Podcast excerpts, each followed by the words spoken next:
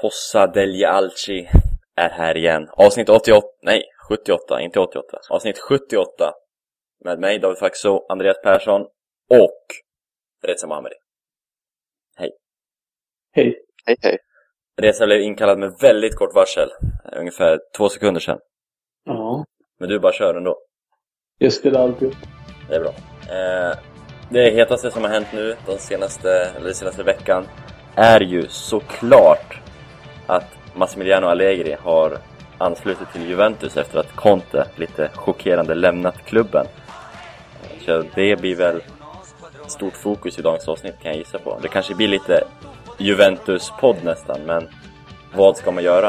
Eh, det är intressant och det intressantaste som har hänt i, i italiensk fotboll. Skulle jag säga. Håller ni med? Jo. Strax efter att vi eh, plockade in eh, Salvatore Monaco som eh, scout i Sydamerika. Och vi som i Milan då alltså. För den som har missat det.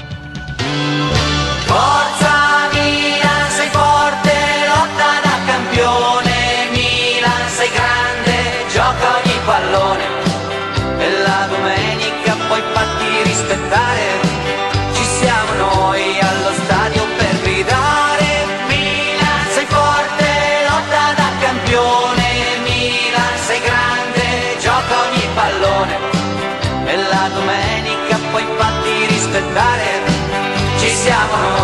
Allo stadio per gridare. Vi kan ju börja prata direkt om eh, om Allegri eller om Conte nu som lämnar Juventus. Det kom väldigt eh, rätt chockerande faktiskt. Eh, om du frågar mig i alla fall. Jag vet inte, hur känner du Reza att Conte gick ut i en video och sa att han lämnar Juventus? Ja, det var ju samma för mig. Jag blev också rätt så chockad. Man hade ju sett bilder från deras försäsong började ju dagen innan och sen det såg ändå helt okej ut där. Eller det såg inte ut att vara något... Det såg ut att vara liksom som vanligt och att eh, det kom liksom som en eh, blixt från en klar himmel som Buffon också sa. Det, det var jätte... Det var jätteoväntat. Alltså, jag hade inte väntat mig att han skulle lämna nu. Om han skulle lämna så hade jag tänkt mig att han hade lämnat innan försäsongen drog igång. Eller möjligen nästa säsong. Jag trodde inte han skulle dra nu mitt i så här. Alltså, var, ja. Något måste ju ha hänt, Andreas. Frågan är vad? Mm. Eh, precis som man tar analysen till tillfället han säger upp sig. Att det inte blev i, i, i maj eller eh, efter säsongen slutade. Eller att, eh, att det blev just nu helt enkelt. Då kan det ju vara, vara så att han eh, var två dagar på träningen. Han hade hela tiden haft en dialog med klubben. Vilka spelare som ska plockas in och inte. Och eh, var kanske inte helt nöjd med att det är en reservspelare i Real Madrid som är eh, deras eh, eh största inköp. Eh, Morata då som är färdig nu. Eh, och så är han på träningsanläggningen och han känner av spelarna och han känner kanske inte den energi och motivation som han har känt tidigare. Det är en tanke som jag har i alla fall och en tanke som gör att det eh, att det kommer gå sämre för Juventus den här säsongen. Inte bara för att eh, Conte lämnar utan även för anledningen till att han lämnar som jag tror är bristen på energi och motivation bland spelarna och i klubbledningen. Eh, intressant är ju att Iturbe som eh, såg ut att vara klar för Juventus dagen efter Conte lämnat skrev på för Roma. Frågan är eh, liksom lite hönan eller ägget diskussion här om vad som berodde på vad. Eh, det kan ju bara spekuleras i och för sig, men vad tror ni? Vi har ju en väldigt skicklig eh, sportchef i, i Roma som sitter och tog väl tillfället i akt. Det är inte så att Iturbe är värd de pengarna men det är ju en maktdemonstration som gör att man kanske ser honom på, dem på samma nivå nu till kommande säsong. Mm. Så jag vet inte om det är någonting som huvudstadsklubben trivs med i sig. Men eh, en eh, maktdemonstration väljer jag att se det som. För jag tycker absolut inte att han är värd de pengarna. Nej, nej. Reza? Iturbe? Nej. Conte? Juventus? Säg vad du vill. Men eh, det känns... Ja, jag vet inte. Det, det känns väl lite som att... Eh, alltså det är ju... det är klart man vill spela för en tränare som Conte. Sen tog liksom, som Andreas sa, så tog ju liksom Roma vara på det här. För i och med att Conte nu skulle lämna också så, eh, så fick de ju skjuta upp eh, i Turbo-affären lite. Eftersom de vet inte vad Allegri vill och så vidare. Sen, eh, och ja men det var ju, alltså, som eh, Andreas är inne på, en maktdemonstration. De visar ju att vi, nu, vi är också här nu och möjligen kommer vi också ta över nu. Juventus, det känns som att Juventus kommer att dala lite nu när Conte lämnar. Det känns som att eh, det är Roma som kommer ta taktpinnen den här säsongen. Sen är det såklart, han är inte värd de där pengarna i Torbe. Han är en duktig spelare. Men alltså de där pengarna för en bra säsong, ja alltså det, och det var inte ens en så bra säsong. Så. Men ja, det är väl en maktdemonstration kan man säga. Alltså 31 miljoner eh, som det verkar ha landat på. Jämför det med 35 miljoner för de sålde Lamela för liksom. Så i Torbe ain't no Lamela skulle jag säga. Jag, ja, jag, jag skulle vilja sätta mig emot lite där. Eh, jag skulle inte lägga så stor skillnad på i, i Torben på en Lamela ändå. Eh, nu har för sig han inte i Torbe presterat riktigt i ett topplag än, men han, eh, ja, han var ändå bra när jag fick spela i Porto via min Porto-kompis, om man får tro på honom. Jag tyckte han var riktigt bra nu i Hellas och Mm. Han har attribut som gör honom unik. Att han är så snabb och stark, låg tyngdpunkt. Eh, fin fot, ja. ja vi får se. Ja, det, är en, det är en jättespännande spelare och jag hade gärna sett honom i Milan. Men när prislappen ligger på den här summorna. Eh, det är lite det jag menar, att prislappen är inte värd det. Då plockar jag hellre säga Lamela som, som jag mm. driver tesen om att han kan gå billigt som, i sommar. Eh, så det, det, är min tanke om det. Det är intressant det de gör i Roma också. Alltså, jag lyssnade rätt så nyligen på eh, ett program där de snackade om fotbollsekonomi och sånt. Och där var i USA, givetvis. Eh, vilket eh, satte sin prägel på samtalet. Det var ju mycket, mycket snack om intäkter och sådana grejer och väldigt lite om sporten. Men där, eh, där hörde man då hur Paletta resonerar om sitt Roma. Han är ju visserligen amerikan men han har, det är mycket italienskt som lyser igenom. Och han, han resonerar mycket kring att man inte ska värva sådana här stora spelare egentligen. Uh, att man värvar stora spelare för att få uppmärksamhet för marknadsföring men han vill marknadsföra Roma genom att marknadsföra rum. Och att det är det som ska bli stadens, eller lagets signum, att det är rum det handlar om. Eh, sen så vill han ju värva bra spelare givetvis men eh, han pratar om att inte värva spelare till eh, stora summor. Mm. Men samtidigt så litar han väl på sin sportchef och det, det är så jag väljer att se på det. Att det, de ändå vill visa sin makt. Att de är på väg uppåt. Och det är de ju verkligen. Det är inga småspelare Roma har köpt nu de senaste åren, eller två åren, två säsongerna. Det är mycket stora namn.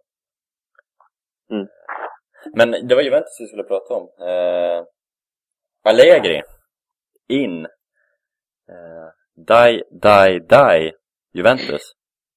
Eh, eller vad ska, vad ska man säga? Tror ni på eh, Allegri i Dopo Conte? Det känns lite som motsatsen av varandra de där två.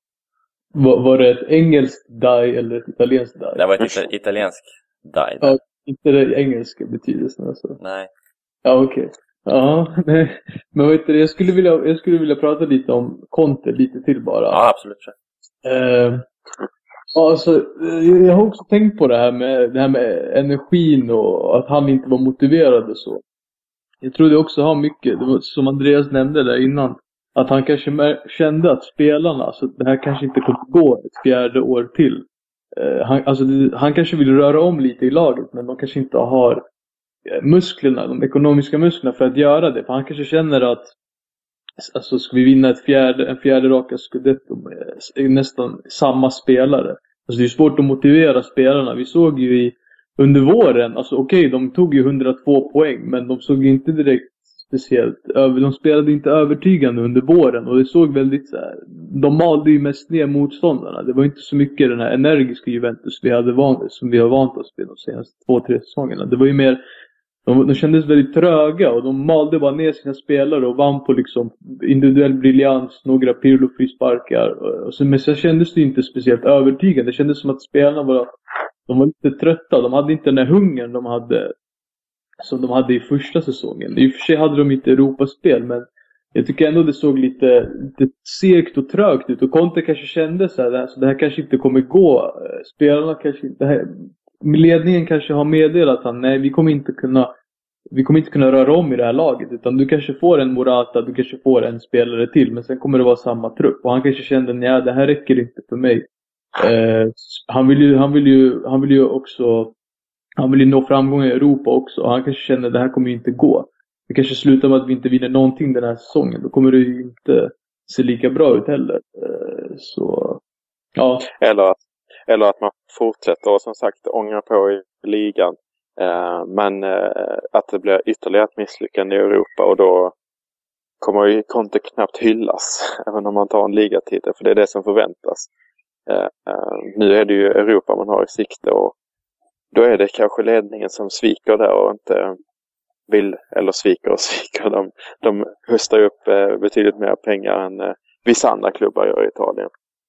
Mm. Men han kanske inte ser det han vill se för att det ska kunna gå i Europa och då, då känns det inte värt för honom att stanna. Så det är väl en kombination av två faktorer som känns väldigt dåliga för Juventus. Tre faktorer då om man räknar in att Conte lämnar. Så att, eh, det är en tung uppförsbacke som Allegri har när han eh, går in på det här jobbet även om han får Eh, vissa väljer att se på det som att han eh, trillar in lite på ett räkskal eller, eller på en, ett bananskal. Trillar in på ett räk. en ny, eh, ny variant till, eh, till det här jobbet. Men det är ändå en tränare som har vunnit en scudetto. Det är en tränare som eh, blir utsedd till eh, ligans bästa två år i rad i Cagliari. När han hade rätt så hygglig konkurrens med José Mourinho. Så att eh, även om eh, jag kan Alle- förstå mycket av kritiken. Allegri, skulle, Allegri skulle, li- kan ju lika gärna bli en ny Zaccheroni. Det känns väldigt mycket så. Ja, det känns väldigt mycket som att han kanske kommer leva på den där skudetten ett bra tag. Eh. Men ja. Ja, men jag, jag tror inte, jag tror i alla fall att eh, alltså jag tror Juventus kanske går titellösa den här säsongen. Eh, för alltså om de ska få igång det här laget igen då. Alltså, men det kanske, det kanske, en ny tränare kanske kan få igång, alltså de kanske trummar på och kör vidare. Eller så kommer Allegri att röra om helt. Han vill ju köra en helt ny formation också och så vidare. Det kanske inte går ihop alls. Och så slutar det liksom med pannkaka av det hela. Att de kommer gå titellösa. Eh, så För det känns som att Roma är på väldigt stark uppgång. Och eh, ja. Vad Vad det- Var det Bonuccis personliga motivator som sa att detta var bra för, eh, eller om det var någon annan, Marquise kanske, eller någon, som sa att det här var bra för, för Juventus. Så det är ju ett klassiskt, eh, klassiskt sätt att vända på det. Idrottspsykologi kan man ju vända på hur som helst känns det som. Eh, sen får man ju vänta och se hur utfallet faktiskt kommer att bli. Men det går ju att se på det som att spelarna nu kommer att försöka bevisa att eh, det är inte bara Conte som gjorde det här, eh, de här titlarna utan det är vi spelare som, som har spelat hem det. Och vi kan utan, även utan honom. Så det går ju att vända på det hållet också. Eh, Men det, är- det är mycket som är intressant. Jag tror att eh, Allegri kommer att gå tillbaka till en fyrbackslinje. eh, är väl en misstanken och jag har väldigt svårt att han släpper det här tremanna mittfältet som är Allegri i stort sett. Och Juventus är också mycket det här tremanna mittfältet så det är att dumt av honom att släppa det. Läste väl i gas- dagens eller om det var gårdagens, att hur en eventuell Juventus-formation skulle kunna se ut med Allegri och nyförvärv. Och mittfältet Mm. är ju Vidal, Pirlo, Pogba med Marquisio som Ja. trequartista. Det känns inte alls eh, omöjligt faktiskt. Eh, lite Boateng-håll på Marquisio där. Mm. Och eh, den typen av formation är ju en formation som inte alls är lika naiv som Conte, som förmodligen kommer gå bättre i Europa. Eh, jag kan ju lova att Juventus ska vidare ur gruppen. Men eh, jag tror att det är faktiskt att Allegri kan gå bättre än Conte i Europaspelet. Eh, Knappast eller jag skulle säga att det är favorit. Nej, det blev väldigt tungt. Eh, alltså vi snackar ju om, eh, som vi sa förra avsnittet, att det är ju reservspelare de värvar från Real Madrid. När eh, Real Madrid kan välja och vraka vad de vill. Men, eh, men då är det ju väldigt intressant om Allegri, jag kan nästan utesluta allt annat än att han kommer välja att spela med tre man mittfält. Och då har vi den uppenbara frågan hur Pirlo kommer att göra.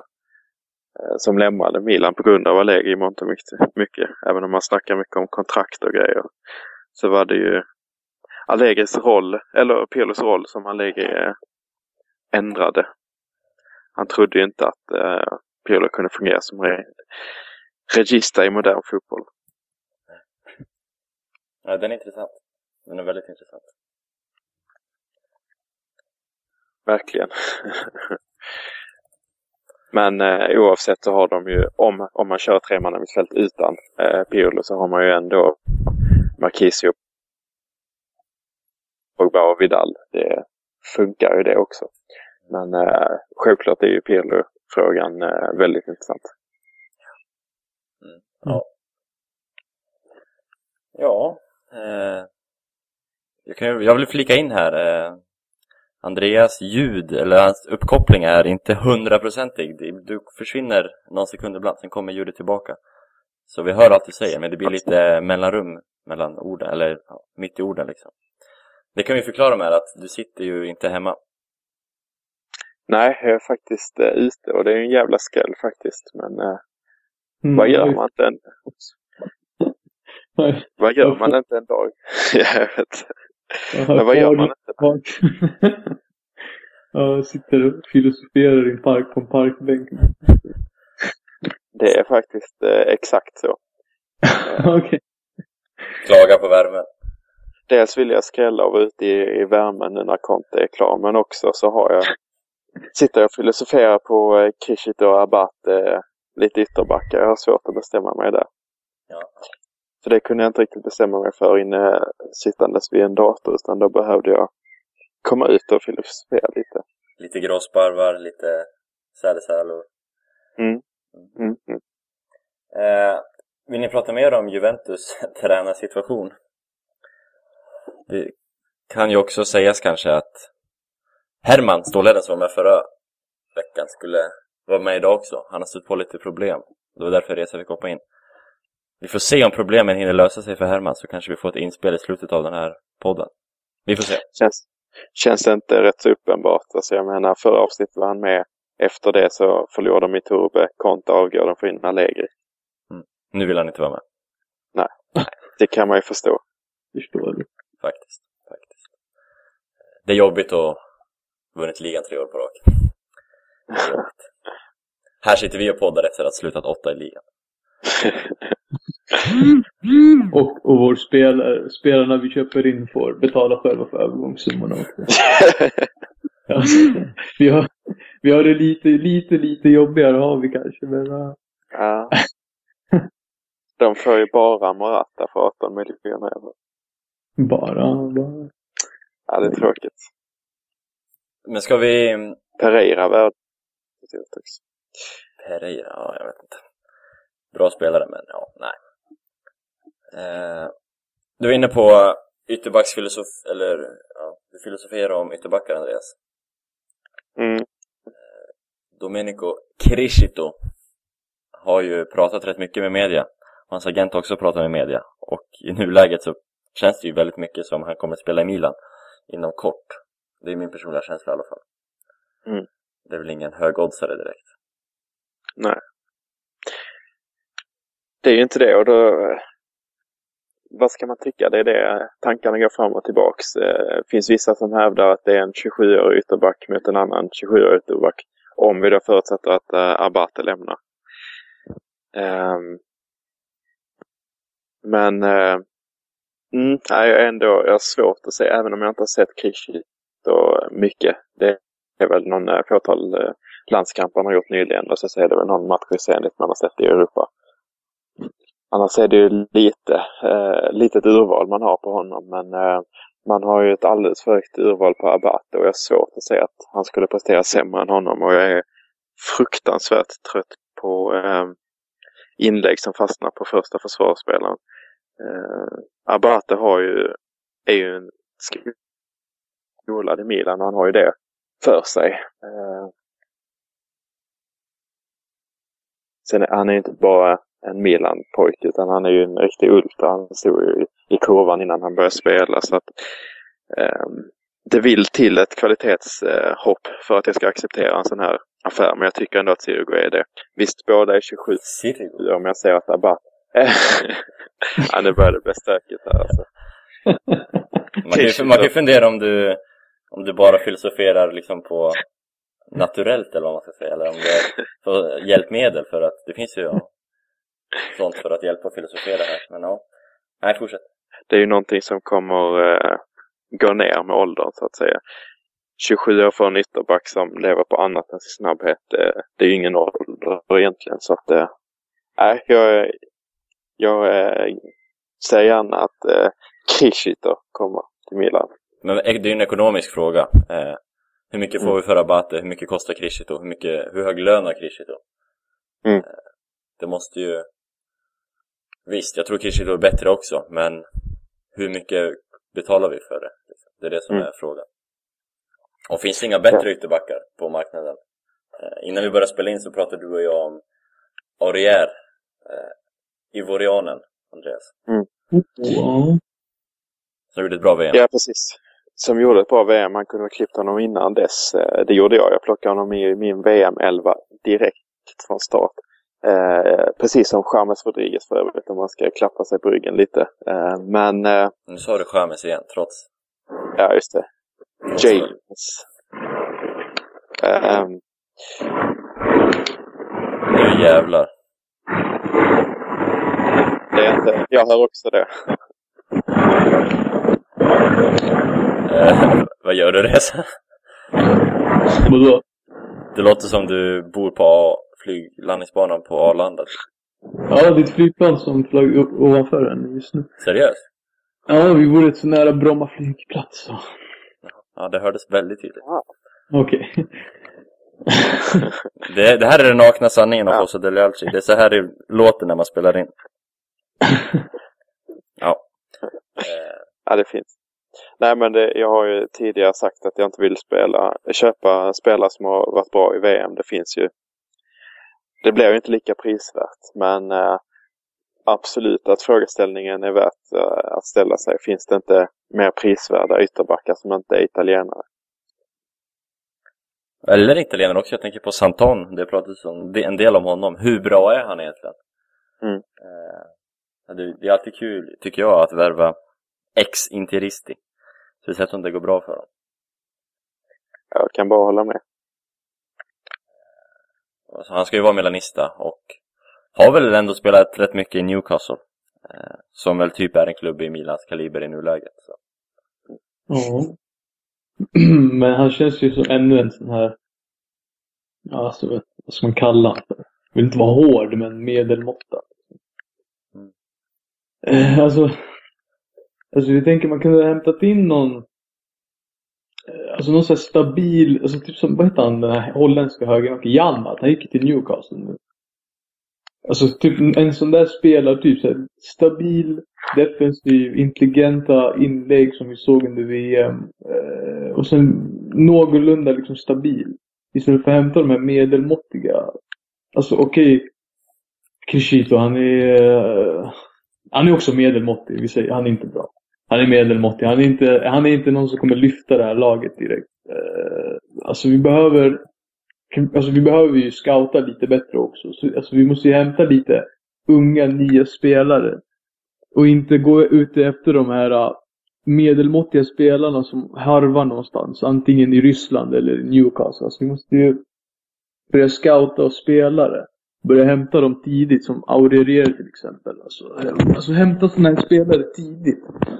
För liksom, ond cirkel. Hämta en medelmåtta, den här medelmåttan, hans värde kommer gå ner år efter år. Han kommer eh, kanske göra, eh, prestera någorlunda bra i början, så kommer han tappa, tappa, tappa. Sen kommer han gå för typ en miljon euro till ett sop, sopklubb om några år. Så det är så här ond cirkel, det är så här dålig business, dålig ekonomisk Alltså en dålig ekonomisk plan. Sen kommer de inte tillföra så pass mycket heller på planen. Eh, så det känns ju bara som en lose-lose situation. Vi förlorar bara oavsett vad vi gör. Så antingen hämta, hämta en riktigt etablerad eller så hämta en ung. Eller så kanske hämta någon från Primavera. Eh, för det, det känns liksom meningslöst att hela tiden gå efter de här medelmåttiga spelarna. Det kommer, vi kommer ju inte komma någonstans med det. Vi kommer ju fastna där. Det är en liten såg du brorsan. Ja, men... Alltså, Ja, men- alltså, men alltså när det kommer till Abate. Det känns ju som att om han ska få ett lyft så är det väl nu när Inzaghi han borde få det här lyftet. Eller komma tillbaka till den här gamla. För det känns ju ändå som att Inzaghi han, han vill ju ha de här spelarna med energi, med grinta. Och varför inte liksom ha Abate kvar då som åtminstone kan erbjuda det. Krishita, Krishita han känns ju som en sån här snäll spelare. Han har ju en helt okej vänsterfot men Ja, alltså. Alltså helt allvarligt talat, hur bra var han? i- Hur bra har han varit i serien? Inte för att jag har koll, men alltså, jag tror inte han har varit så bra. Eh, och sen i Genoa, okej, han var helt okej ett tag där, men ja, alltså. Eh, alltså. Det kommer nog inte lyfta det här laget. Alltså, vi behöver andra typer. Ja. Ja, det är ju eh, absolut. Det är svårt eh, och sen samtidigt vill man inte slänga bort för mycket pengar på en ytterback heller för att eh, det är inte de som avgör matcher.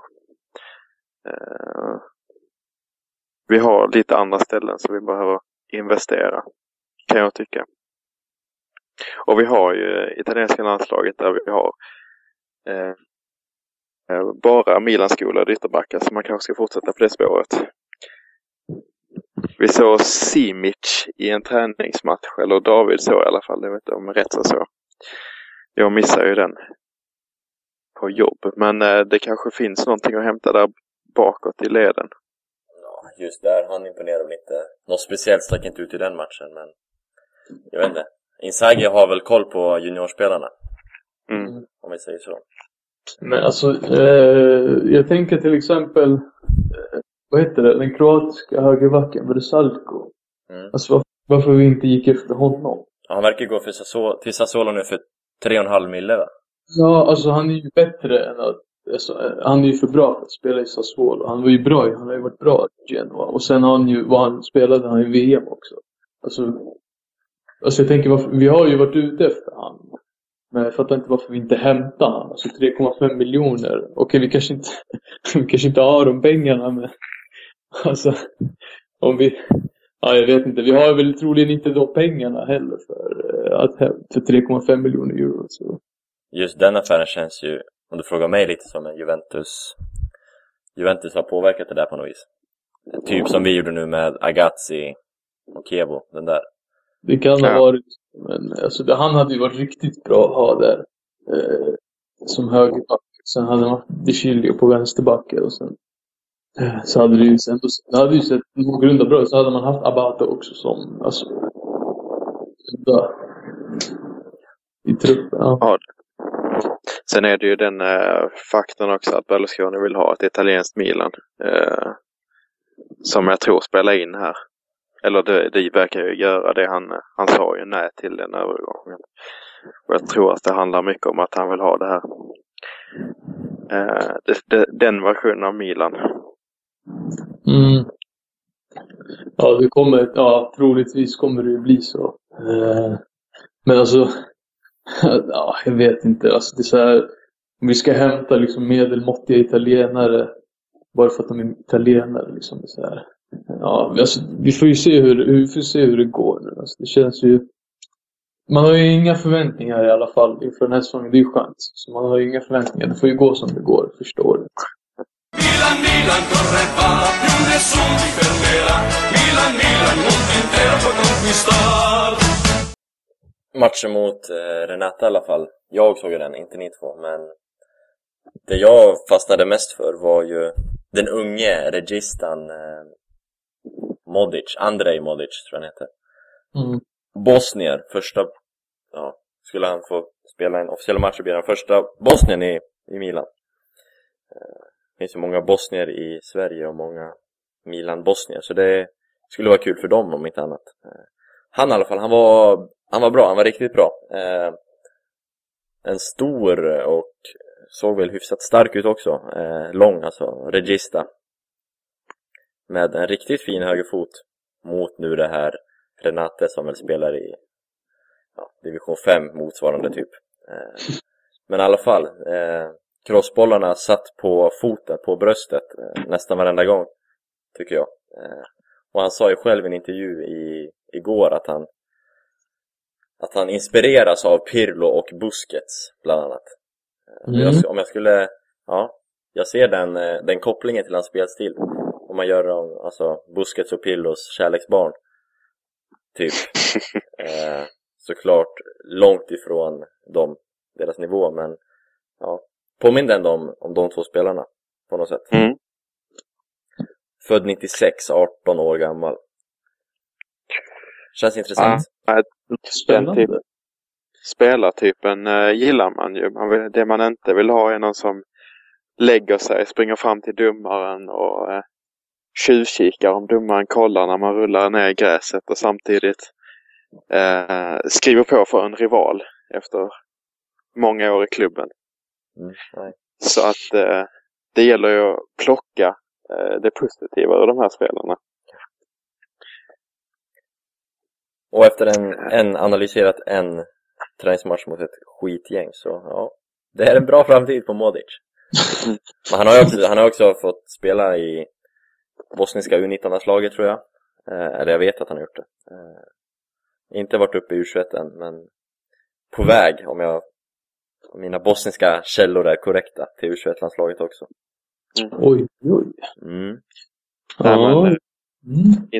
Inzaghi har ju som sagt bra koll på de här spelarna så det är, det är spännande. Vi har ju en Montolivo som är skadad. Jag vet inte om han håller den nivån att han kan plocka, hoppa in någon match och, och göra lite tid. Men eh, i Alltså, A-laget då menar jag. Men eh, som sagt, Inzaghi har koll i alla fall. Får se nu om han följer med till USA, det borde han väl göra. Eh, de brukar ju ta med en del juniorer. Och där möter vi lite bättre lag. Så man får väl se där. Ja, jag hoppas då här, någon av de här får chansen alltså. Jag tänkte, Cristante spelade inte alls nu mot Renate. Har ni någon Han- status på honom? Han kanske blir utlånad.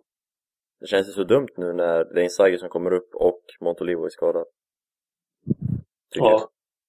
Jag vet inte hur det kommer att bli nu. Ja. jag.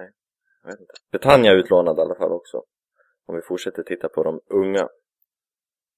Betania är lika gammal som dig och mig rätt så jag inte om man kan kalla honom för så ung längre. Nej, han är inte ung. Han var ung för två år sedan. Mm. Nu, nu, nej. nej. Han gjorde ju två mål mot City förra säsongen, försäsongen. Mm. Mm. Det var ändå såhär wow. Men sen, ja. ja. Alltså jag vill ändå ha, jag, jag fattar inte varför man, hur man resonerar i forwardfrågan riktigt. För att det hade ändå varit vettigt att ha backup till eh, Pazzini kan jag tycka. För det är ju Cedorfs eviga tjat att han kan, inte kan spela eh, Balotelli Pazzini tillsammans. Eh, då får man väl plocka in en, en anfallare till så man har lite alternativ och kan spela med två anfallare. Kan jag ju tycka. Och Matri är borta Det- också. Och Niang är på väg mot Belgien, har jag läst. Mm. Niang som, kommer- för, Niang som för övrigt var urusel mot ja, träningsmatch. Alltså han, han är ju, han är ju verkligen, han är inte bra. Men, Nej, inte, inte som högerytter i alla fall. Det var det han spelade nu också. men han såg ju så bra ut i början. Alltså det är såhär, nej. I början var han ju bra som högerytter. Det var ju då han... Han hade ju jävla speed och bra inlägg och Ja. Men eh, det är ju den där målsumpandet som eh, vi fick se, inte minst mot Barcelona. Sjukt att Niang spelade mot Barcelona för något år sedan. Faktiskt. Ja. Ja, faktiskt. Ja, det var lite... Ja. Ja, eh, jag vet inte om ni märker det, men vi sitter här och inväntar Herman Stålheden som har löst sina problem, om vi säger så. Eh, Så han ska strax vara redo och ersätta Reza som måste lämna oss. Ja. Ska vi säga hejdå eller? Nej, jag vet inte. Jag tänkte bara informera lyssnarna varför vi har ett lite mer avvaktande samtal om egentligen Ja. ingenting. Okej, men... eh, ja, du, får, du får gärna vara kvar hur länge du vill, men eh, jag har hört att du måste eh, gå. Ja, jag måste iväg tyvärr. Ja, ja. Så, men kopplar ni bort mig nu eller? Jag vet inte. Du får koppla bort dig själv när du känner dig redo att lämna oss. Men det var, det, det var bra att du kunde hoppa in. Tack så mycket. Nej, det ingen fara. Vad konstigt att lämna mitt i, men... Ja, ja, ja men... Eh... Ja, det var kul att få vara med. Ja, det är bra. Det är mycket bra. Ja, ja, men eh, då, då lämnar jag er då. Ve ve veckans senap, vad är det? Veckans senap. Eh, ja. Vi kan se, vad måste det vara? Nej, jag vet inte. Det måste nog vara Allegris trollface ändå. Det är väl ändå det man tänker på nu när, när, när han går från den där säsongen till att vara tränare i Juventus några månader senare. Jag gör troll, Allegris trollface. Det är bara att googla upp det. Är. Ja, ja, men eh, ha det så bra och ha fortsatt trevlig podd. Tack, ta hand om dig. Detsamma. Ciao. Ha det bra. Adjö, ciao. Milan, Milan, corre va, più nessuno ti fermerà. Milan, Milan, mondo intero puoi conquistar. Andreas, du har eh, kommit hem innanför dörren. Har lämnat parken bakom dig, korrekt? Precis, vi har ju avhandlat eh, ytterbacksdiskussionen. Precis. Eh, så vi har... Vi byter gäst också, det jag ska säga. Eh, Reza lämnar oss precis. Eh, och in, nu har han svarat, in i detta samtal, i denna podcast, kommer han nu. Herman Stålheden, välkommen! Tack, tack. Hur eh, mår du så här dagen efter, eh, eller ja, Allegri, Conte, hela den grejen? Hur känns det spontant? Vi tar upp den här diskussionen lite snabbt igen. Eh, ja, först kom det som en chock. Ehm, jag hade inte alls väntat mig det. Eh, jag skrev en krönika om det. Jag kom hem från eh, gymmet och skulle kolla det senaste om eh, Juan Iturbe till Juventus. Några timmar senare så eh, är Iturbe klar för Roma. Conte avgått. Allegri till Juve. Ja, det var en chock. Nu har det lagt sig en aning och jag är ganska, alltså, jag är inte så negativ till Allegri ändå. Jag tror att det kan bli ganska bra. Ehm, det var nog ganska bra lösning av eh, Marotta och company. Eh, så, alltså att lösa det så tätt in på eh, beskedet. Det var, ja, jag tycker ändå att det är helt okej. Eh, Allegri eh, känns ju, vi var inne på det, men lite som motsatsen till Conte, tyckte jag i alla fall. Eh, Conte är den här energiska, högt tempo, mycket humör. Eh, Allegri säger inte så mycket mer än die, die, die. Och liksom är lite mer cool. Vad, eh, vad, vad kommer Allegri göra bättre än Conte? Kommer han göra någonting bättre tror du? Det är svårt att säga. Jag, eh, jag gillade ju Conte väldigt mycket. Men eh, ja, det är inte omöjligt att man går över till en fyrbackslinje nu. Och jag tror att det kan vara ganska bra faktiskt. Eh, jag tycker Allegri har fått lite väl mycket skit under åren. Han blev ju trots allt utsedd till eh, Cagliaris bästa tränare. Eller eh, Serie A's bästa tränare, förlåt. Eh, under sin tid i Cagliari, under två säsonger i rad. Och eh, han har även vunnit en scudetto med Milan. Så jag... Ja, vad han ska göra bättre än Conte, det är svårt att säga. Jag tror inte att det kommer bli så mycket bättre direkt. Men det, inte, det betyder inte att det blir så mycket sämre heller. Andreas, ni är lite inne på samma bana då va? Det tycker jag. Sen är det ju eh, väldigt intressant att höra det, vi, eh, det uppenbara i att eh, Allegri nu tränar Pirlo igen.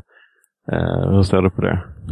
Jag läste nu precis att de har haft ett snack, Pirlo och Allegri, och att allt ska vara lugnt. Så det låter ju bra i alla fall. Men visst, det var ju inget jättebra avslut i Milan där för Pirlo och Allegri.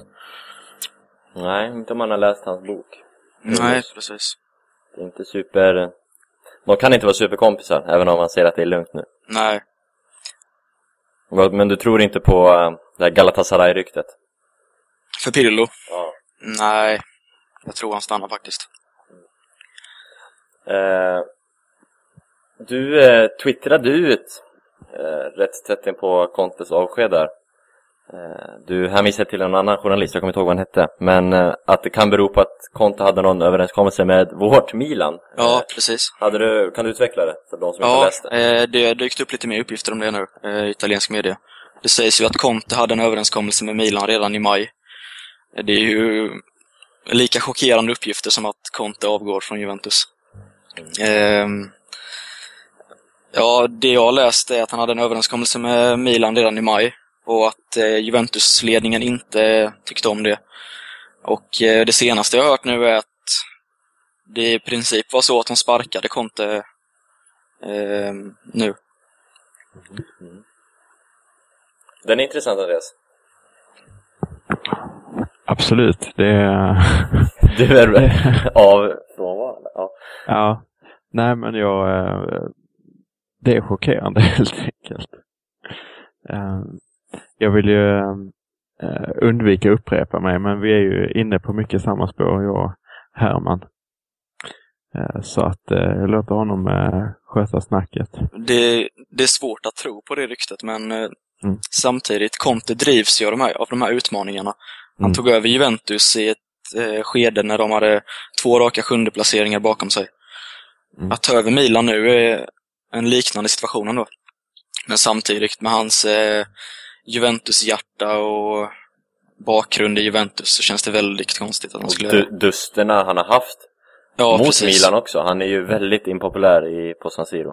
Verkligen. Ja, och lönen och allting egentligen.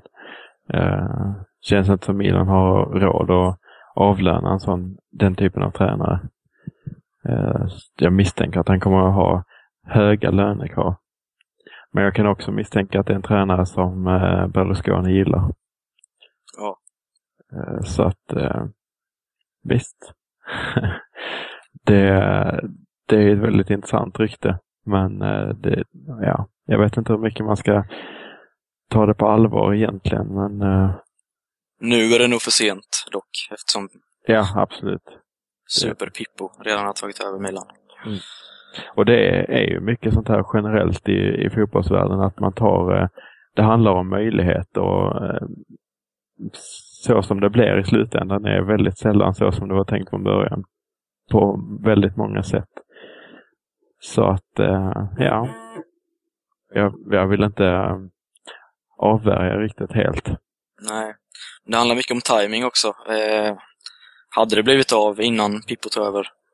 Eh, tänk om Allegri, eller vad säger jag, Prandelli, eh, hade varit tillgänglig nu Mm. och inte eh, tagit Galatasaray. Då hade nog eh, Juventus-ledningen gått efter honom, tror jag. Ja, det tror jag också. Och han hade nog varit väldigt sugen på det också. Även han har ju en bakgrund i Juventus. Om vi frågar dig vad eh, Andreas trodde det, eller du sa det tidigare, att eh, det kommer eventuellt gå bättre i Europa med Allegri än Conte. Eh, med argumentet att Allegri är väl inte riktigt lika naiv, lite mer defensivt inriktad kanske. Vad tror du om det? Ja, men det är inte omöjligt alls. Eh, är det någonting Conte ska kritiseras för så är det ju spelet i Europa. Eh, så det är inte omöjligt. Eh, jag tror dessum, dessutom att eh, Allegris, nu, nu tror jag att han kommer spela med fyrbackslinje. Och jag tror att det kommer fungera bättre ute i Europa. För var det någonting, eh, visst, 3-5-2-taktiken funkade väldigt bra i Serie A. Men i Europa, det, det fungerar inte riktigt där. Nej, nej. Eh, så ja, jag vet inte, vi har ju som sagt pratat om det här en del tidigare med Reta, som våra lyssnare vet. Eh, Så jag tycker vi lämnar den, eh, den diskussionen här. Eh, Gå in och läs Hermans krönika på solocalcio.se om ni vill höra mer hur det är från ett Juventus-perspektiv, föreslår jag.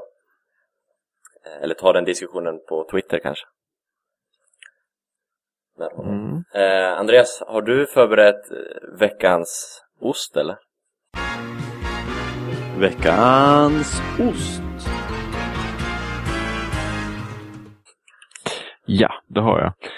Eh, faktiskt eh, lite Juventus-tema även där. Ehm, eh, det, veckans ost är alltså mascarpone. Eh, och eh, syftar till mig själv helt enkelt. Vilket kan ses som väldigt eh, narcissistiskt. Och det är det väl delvis också men eh, eh, jag vill ändå lägga ytterligare en eh, eh upp, uppmärksamhet till min eh, tweet som jag gjorde om eh, det här då. Den kanske inte är så kul som att jag själv tänker att det är, men eh, då är det väl för att jag har hållit på det nu i, i tre år sen Conte tog över. Och det är ju då Andrea Bocelli som sjunger eh, Conte Partiro. Eh, alltså med dig, eh, Conte. Som blir då Conte ganska lätt. Eh, med dig så lämnar jag, men det kan man ju lätt ändra till att Conte kommer att lämna och, och sådana grejer. Så att det, det tyckte jag var rätt kul. Eh, dessutom att man hade kunnat göra om eh, videon där Bocelli sjunger eh, Conte Partiro, med dig skulle jag lämna. Att Vidal skulle kunna sjunga det nu med tanke på att han skulle kunna lämna om Conte lämnar och sådana grejer. Så det tyckte jag var kul. Och jag ville att det skulle uppmärksammas ytterligare. Så därför är det veckans just. Så du hyllar alltså dig själv och ditt Twitterkonto? Japp. Ja. Har också lite med att göra med att du var nära att få dubbelt så många följare som jag fick. Sen försökte du få gå över den där magiska gränsen, men det gick inte så bra. Det fick lite bakslag, så nu äm, klättrar jag ju lite. Ja, ja nej, den var, det var dåligt, dåligt eh, planerad av mig där. Otaktiskt. Ja, väldigt faktiskt. Eh, så eh, ni kan ju börja avfölja Andreas och följa mig. Eh, så att jag får dubblar hans följarantal där. Hade varit guld värt! Eh, och för att, varför ska jag då få fler följare? Eh, jo, jag har ju en egen programpunkt i den här podden. Även jag. Eh, som har fått beröm och som säger att, vad var det han sa? Att han älskar Onfax Palefax. Eh, det kan ju vara den bästa, bästa reaktionen jag någonsin fått på Twitter. Jag blev riktigt glad och jag ska hitta den här eh, ordagrant. Ja, skitsamma. Jag tror det var, han heter Alexander Myran, han som skrev det. Och jag, tack så mycket. Eh, jag bara älskar Onfax Perfax magi, skriver han. Mm. Och jag älskar ju också honom efter det här. eh, men i alla fall, veckans fax, Onfax Perfax. Onfax perilfax. Eh, det är inskickat från, eh, vad ska vi säga vad han hette? Göran hette han. Eh, och han skriver så här. Hej hej! Eh, Balotelli har poserat framför Arsenal-loggor på sociala medier. Kan det bli tydligare eller? Arrivederci Mario. Tack för podden. Och sen avslutar han med ajöken ciao. Eh, och då är jag, det är ju hyllning till det också Andreas. Det är det. Men Balotelli framför Arsenal-loggor. Eh, och det kan jag säga, det har ju en naturlig förklaring, även om det är väldigt puckat. Eh, Balotelli är ju på semester i USA, New York tror jag han är i. Han var i alla fall, när den här bilden lades upp. Eh, han är nu mest sponsrad av Puma, Pumas stora ansikte utåt. Eh, och Puma är också, ja, de sponsrar Arsenal från dem den här säsongen också. Eh, Balotelli var på Puma Store eh, och handlade med sin flickvän och ja, poserade då helt enkelt där inne tillsammans med henne. Och i bakgrunden då syns det ju, det är på dörrarna tror jag, eh, och där är två Arsenal-loggor tillsammans med Puma-loggor. Och det här har ju Daily Mail vinklat till att det är en superklar eh, flört med eh, Gunners. Mm. Det tror dock, in, dock inte jag eh, direkt. Fast samtidigt är det ju extremt osmidigt. Jag ehm, ligger lite av i mediaskuggan när det kommer till Instagram och uh, sådana grejer när spelare syssla med sånt här för jag är så himla trött på Balotelli och allt skit han lägger upp. Eh, rent ut sagt. Eh, fokusera på annat än fotboll och sådana saker.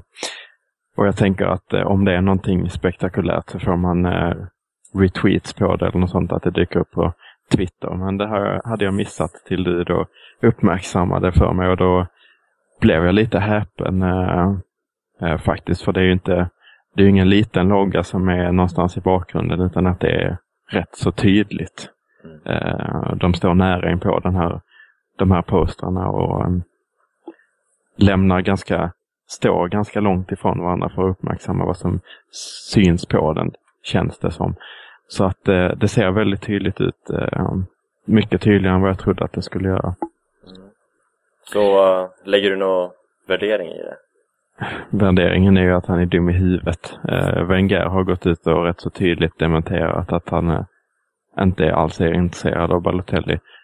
Eh, förvisso efter ett svagt eh, VM, men eh, rätt så tydlig markering eh, gjord av eh, Wenger. Jag tycker att det är väldigt korkat. Sen har väl eh, Arsenal en hyfsad offensiv också, Herman. Ja, precis. Nu har ju de hämtat in Sanchez. Mm. Och sen har de ju flera andra. Giroud, Walcott med mera. Mm. Så jag, jag ser inte det som så sannolikt det där ryktet. Det känns inte heller som en, som en eh, typ som Wenger skulle, Wenger skulle värva. Jag tror han är väldigt noggrann med eh, vilka typer av människor han eh, värvar till Arsenal. Mm. Det känns väldigt osannolikt. Mm. Och då, Ja. allting landar ju på att Balotelli är dum i huvudet. Att han, Mm. som vi sa, borde förbjudas och för att använda sociala medier helt enkelt. Precis, vi var ju inne på det senaste Mm. avsnittet.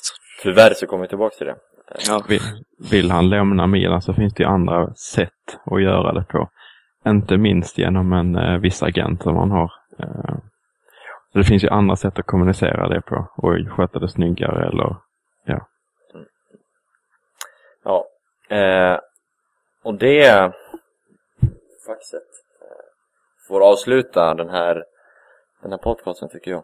Eh, vill ni bidra till om fax spelar fax så är ju faxen fortfarande trasig så, så länge får ni mejla till gmail.com om ni vill ja, vara med och påverka helt enkelt. Eh, Herman, det blev en, en kort, kort eh, inhopp för dig idag. Men vi tackar så mycket för det. ja, tack själv. Alltid kul att vara med. Eh, Andreas, vi hörs snart igen, du och jag. mm. Och tills dess så ta hand om er och hör av er på sociala medier och avfölj Andreas. Bra. Hej då. Hej.